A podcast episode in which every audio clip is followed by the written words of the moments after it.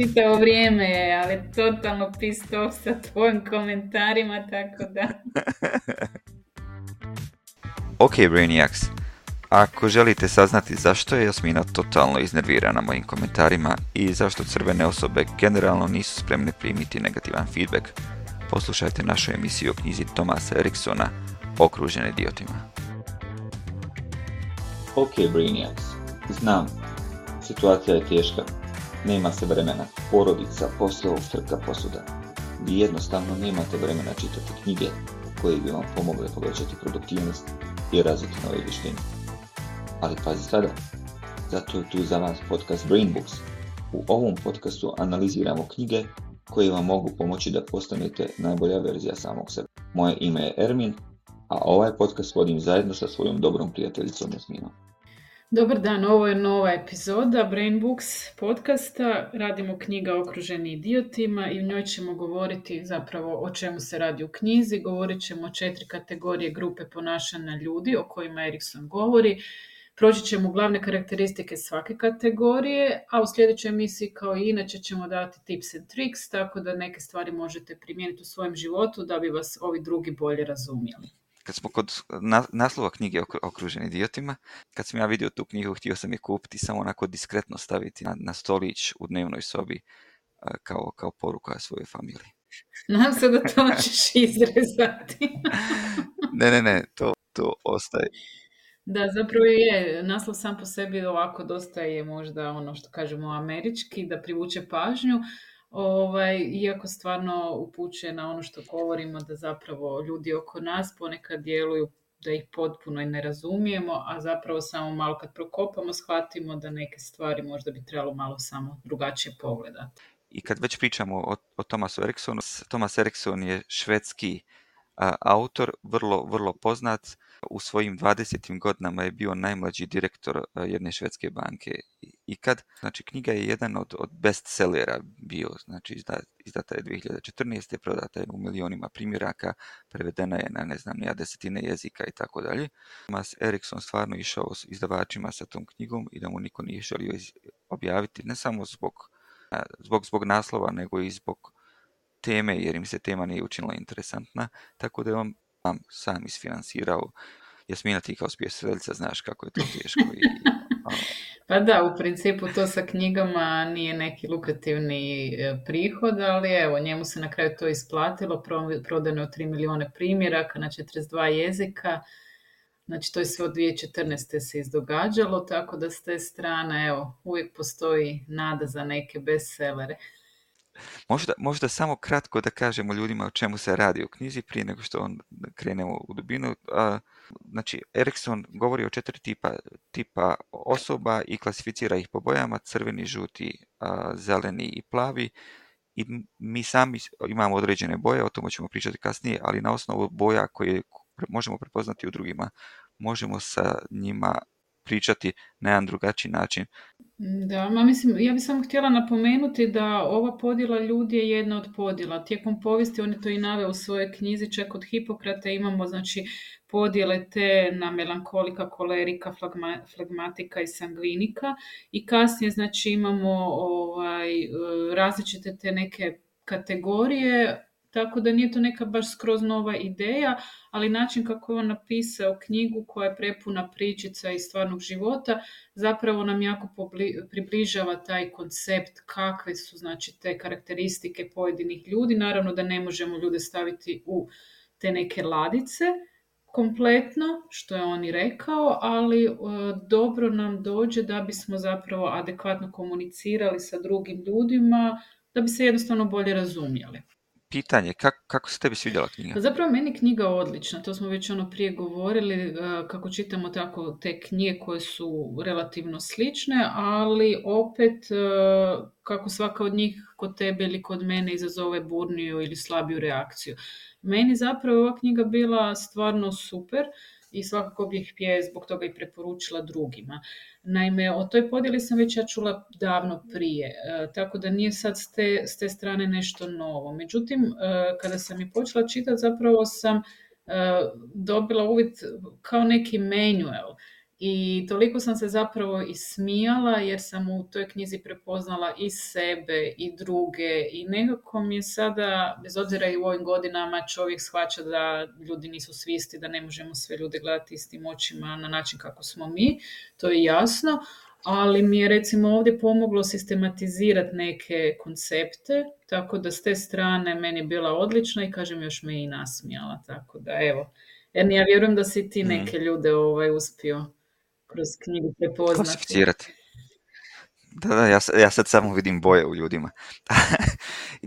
iskreno, prvi put kad sam pročitao knjigu, onda sam pomislio, ok, znaš, interesantno, ali nije ono groundbreaking i mogao sam i bez nje. Nije mi nešto bilo wow, ali sam se onda uhvatio, nakon što sam pročitao knjigu, da kad pričam s ljudima, da prepoznajem te četiri boje. I onda sam se ponovo vratio toj knjizi da, da pogledam ovaj, o čemu knjiga stvarno priča. I knjiga je stvarno interesantna. Ja sad stvarno kad hodam ili kad slušam ljude kad pričaju, odmah ih mogu svrstati, ne znam nija da li su to e, žuti, zeleni, crveni ili plavi. E, I razumijem i dosta tih privatnih kleševa i sukoba koji sam imao sa ljudima kojima radim u ofisu ili u privatnom životu.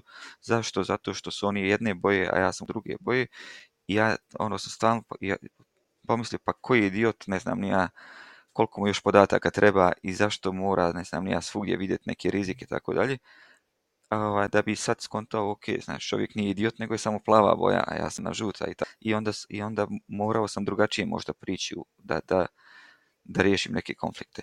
Sad, sad zahvaljujući ovoj knjizi, u principu mislim da sam puno opremljeniji da pričam sa ljudima bez upadanja u konflikt. Ja, slažem se, stvarno, evo, to pao savjet za, za pročitati, zato što jednostavno e, kada i želimo iskomunicirati nešto, možda zbog neadekvatnog načina, jednostavno izroni dosta nerazumijevanja i s jedne i s druge strane. Tako da, evo ga.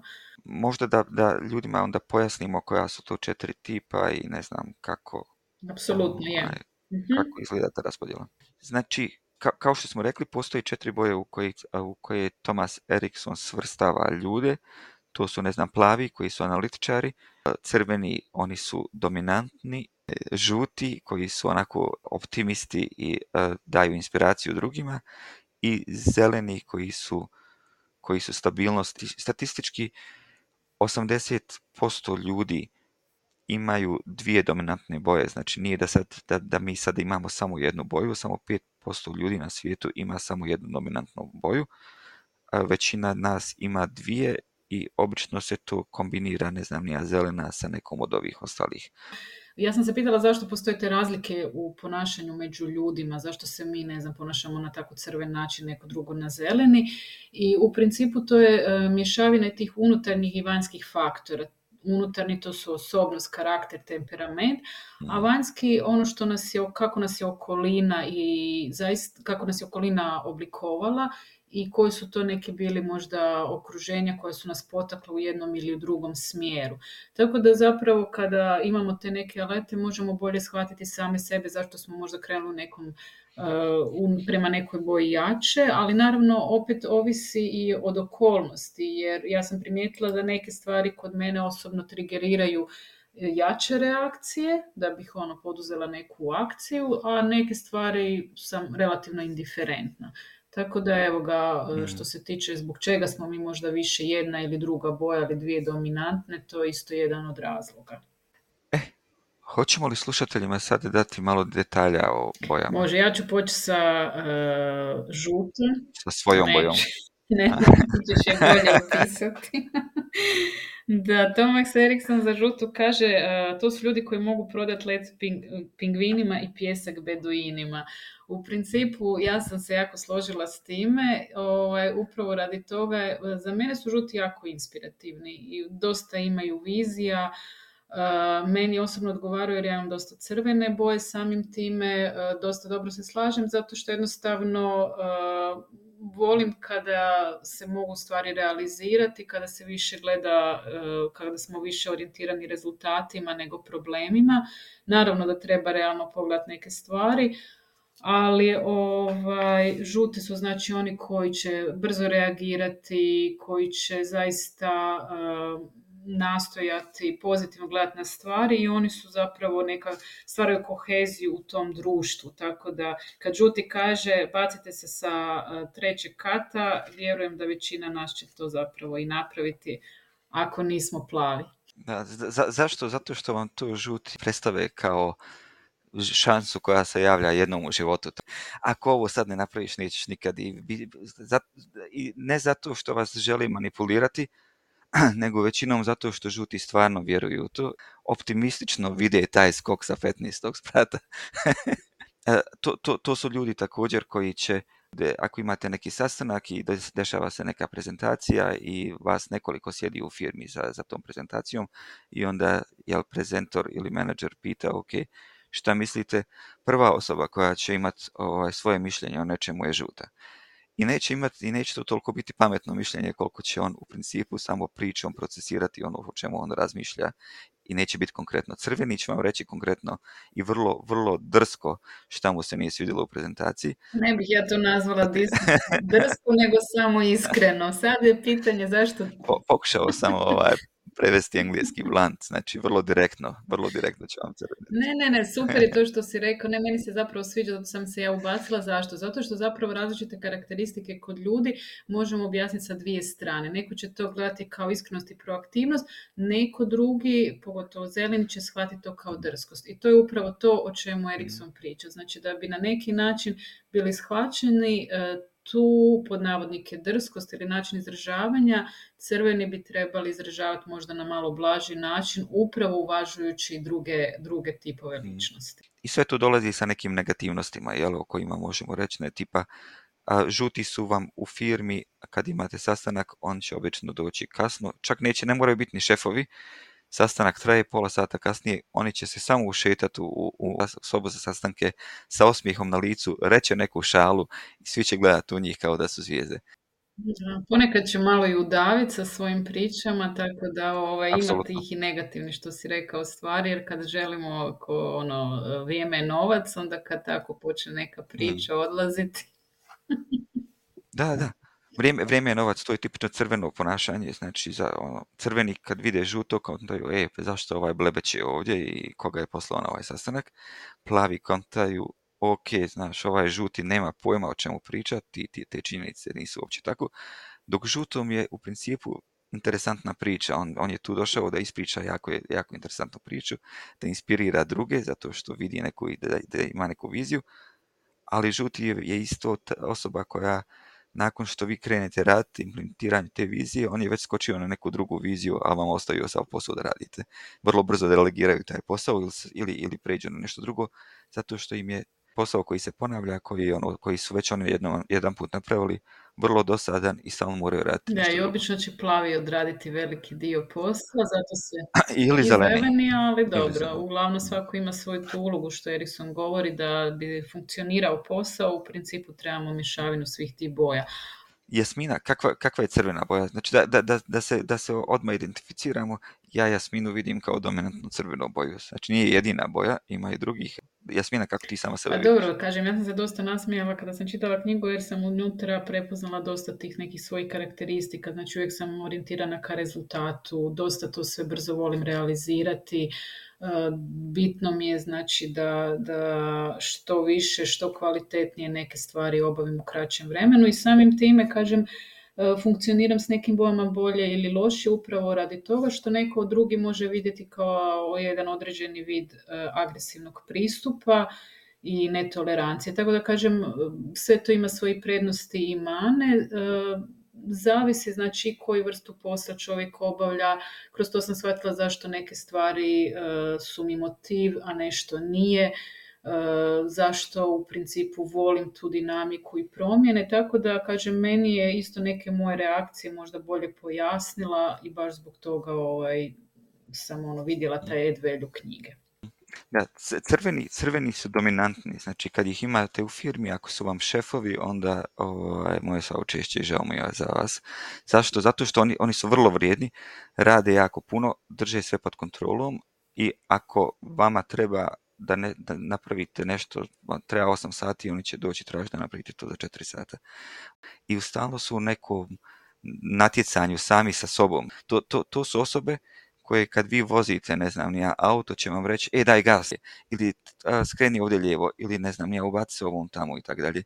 Ako, ih pitate šta mislite, neće se uvijati jer iskreno vam reći svoje mišljenje. I to su osobe, osobe koje su uglavnom na vodećim pozicijama, to su ceo ovi, cto ovi zato što ne trpe u principu da, da, da primaju naredbe od nekog drugog, nego oni moraju biti ti koji vode ekipu. I Nije što ne trpe naredbe, nego je samo pitanje da li ovi drugi su dovoljno proaktivni. Bravo, bravo, upravo to. Ne, ne, ne, pro... Znači, crveni misle da su oni najpametniji, i mhm. ovaj, samim tim zato što su najpametniji, onda svi ostali drugi su idioti oko njih. I crveni je tipičan tip osobe koji će reći, ne znam ja, ovo su sve oko mene idiote. Pa da, i ono što recimo volimo surađivati, barem ja sa plavima dosta, eh, je zbog njihove analitike činjenice kada govorimo, govorimo o konkretnim stvarima, nema tu puno uvijanja, relativno direktno, tako da s te strane to su pozitivne stvari, gdje smo i komplementarni u tom dijelu.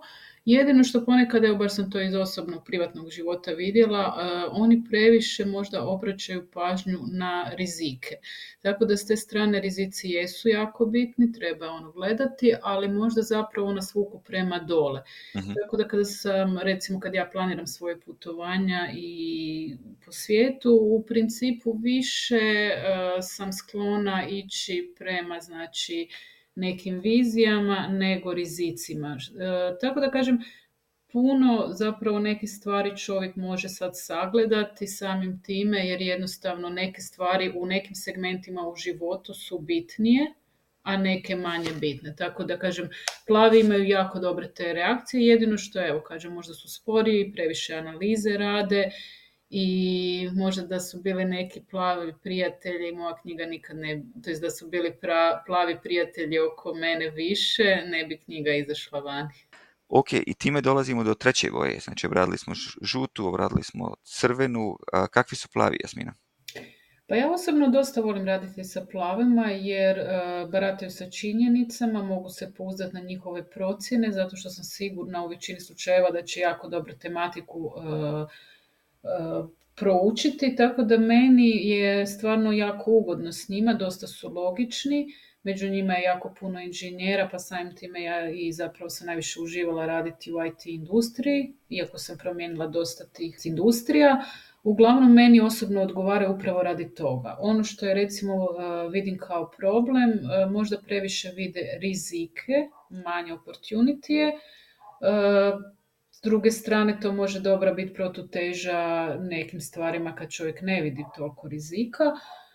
E, I u principu možda za neke stvari trebaju malo previše vremena, više su orijentirani na kvalitetu, samim time gube nekad pojam vremena, ali kažem, ono što smo prije naveli, uvijek imamo neku mješavinu, 80% ljudi je mješavina dvije boje. Tako da ne možemo sad reći da ono, u većini slučajeva.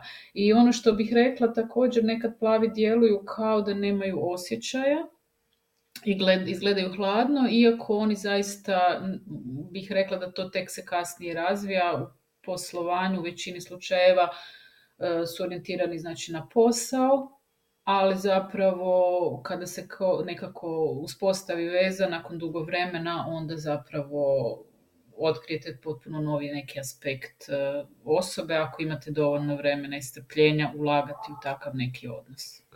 Meni kao šutoj osobi, jel, mi je jako teško raditi sa plavim. Vrlo im dugo treba da donesu odluku, u svemu vide neki rizik i ako ćeš krenuti sa bilo čim novim, plavi su prvi ti koji će te zakočiti i reći ne, ne, ne, ovaj, moramo biti oprezni, a nismo riješili ovu i sve u detalje mora biti riješeno prije nego što uopće kreneš sa projektom.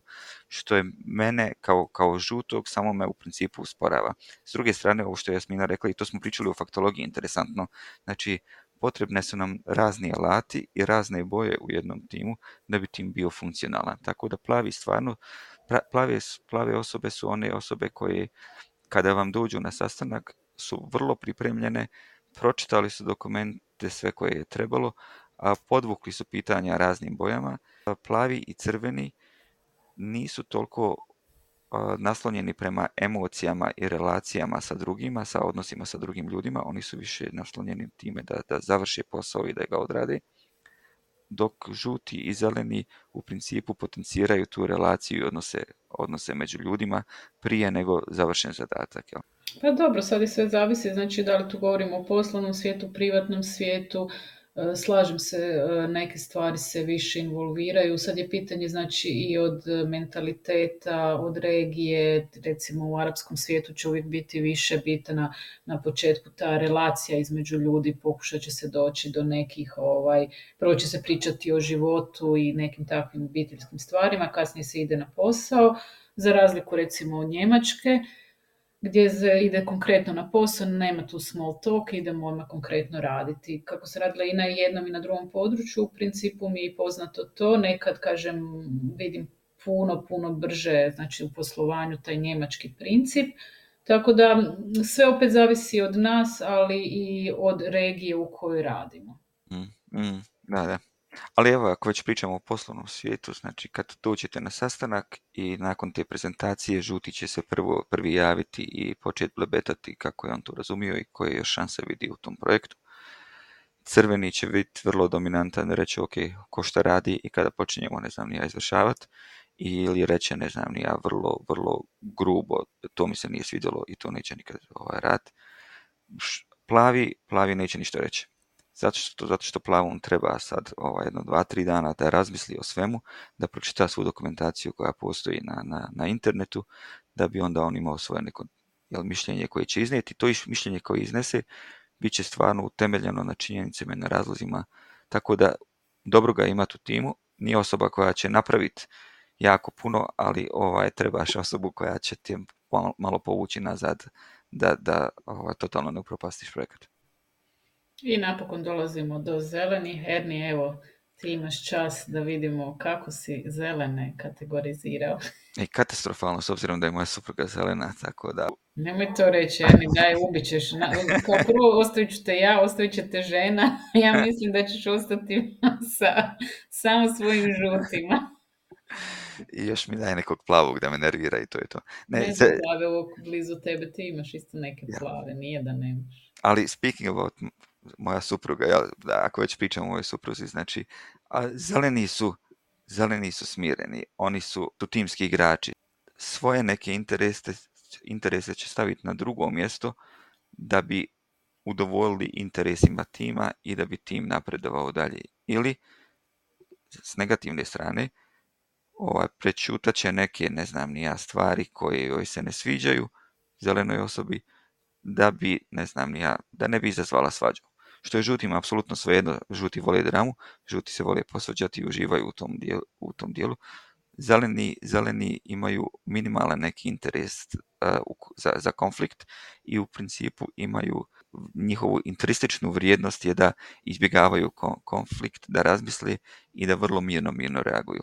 I vrlo su likable osobe, svi ih vole, zeleni su Zelene nekad ih upoznaš, nećeš ih odmah primijetiti, ali kad radiš s njima, oni su te osobe koje će se prilagoditi svim ostalim bojama. Pa dobro, po statistici zapravo najveći dio populacije je zeleni. Tako da, s te strane mi jesmo jako puno okruženi sa zelenim. E, ono što zapravo e, zelene krasi s jedne strane može biti i negativni dio. Znači, e, poslije ćemo u sljedećem e, emisiji govoriti o akumuliranju bijesa, akumuliranju konflikta. Recimo, e, po meni je puno i zdraviji i lakši odnos ako mi možemo dodirnuti problematične situacije vezano za za odnos, nego trpati, što se kaže, ispod e, kreveta. E, što zapravo zeleni imaju tendenciju upravo radi toga što ne, ne žele očuvati odnos. Tako da i percepcija stvari, što znači očuvati odnos, da li to znači ne dizati valove ili možda pročistiti neke stvari. Tako da s te strane ovaj, to je isto nešto jako diskutabilno. E, meni osobno sa zelenima neke stvari je super raditi, ali neke stvari vezano za odlučivanje je totalna katastrofa. I tu Thomas Erickson govori jako zanimljivu stvar, kao e, zeleni kod da su u jednom dijelu svog života odlučili ne donositi odluke. I mhm. to je ono što mene užasno frustrira e, u toj relaciji, jer ja koja sam jako orijentirana na donošenje odluka, i rješavanja situacija, imam taj, e, ajmo reći, sa zelenima problem. Mhm. Imam zgodnu pričicu kada sam bila prije, ne znam, dosta godina, sa, bio je jedan prijatelj doveo neku novu prijateljicu i tako smo se družili, sad cura je iznila neki problem u životu i sad ja naravno onak, još sam bila i mlada, rekla sam pa dobro, to možemo sa te strane ovako riješiti i možemo sa druge strane na taj način riješiti. Znači ja sam onda ponudila rješenje jer sam vidjela taj problem koji možemo riješiti. Da bi se ona poslije žalila svom prijatelju, da ona samo to pričala, eto tako, zato što je htjela to podijeliti. Mm i da ona nije tražila rješenje. Tako da je meni to bilo totalno suludo zašto neko priča o svom problemu pred nekom mm. nepoznatom osobom, prvi put je vidi, a zapravo neće riješiti problem. To je taj, evo, recimo, odnos u komunikaciji. Mm. I, super da ste to rekli. Znači, isto kao što mene nerviraju plavi, znači zeleni, zeleni i crveni se ne slažu i plavi i žuti. To su boje koje će najprije ući u konflikt. Jel? Ovaj, jer crvenom ako nešto pričaš i pričaš mu o problemu, on je problem solver, jel? On će ti, on će reći, ok, napravi to ovako. Ili ne znam, ja, prekini s momkom. I vrlo, vrlo direktno će ti reći, ne znam, ja, rješenje, bez obzira da li, to, da li to štima ili ne štima. A zelene su osobe koje izbjega, ko što, ko što Jasmina rekla, koje neće donijeti odluku, to su osobe na sastanku koje se isto tako uopće neće javiti i nadaće se da, je ne, da ih neće niko prozvat da, da kažu svoje mišljenje. S druge strane, bez te zelene boje u nama, mi ne bi mogli zajedno raditi i ne bi mogli komunicirati. Da smo svi crveni, vjerojatno bi se poubijali unutar prvih sat vremena dok jedan ne preživi. Ovaj, da smo svi i onda bi samo blebletali jednim drugima, ovaj, nikakav posao ne bi bio napravljen. Znači potrebne su nam nekako sve te boje, potreba nam je neki miks boja i u timu i ako ste menadžer, znači morate prepoznati malo ljude i o, tome ćemo pričati u, u sljedećem podcastu.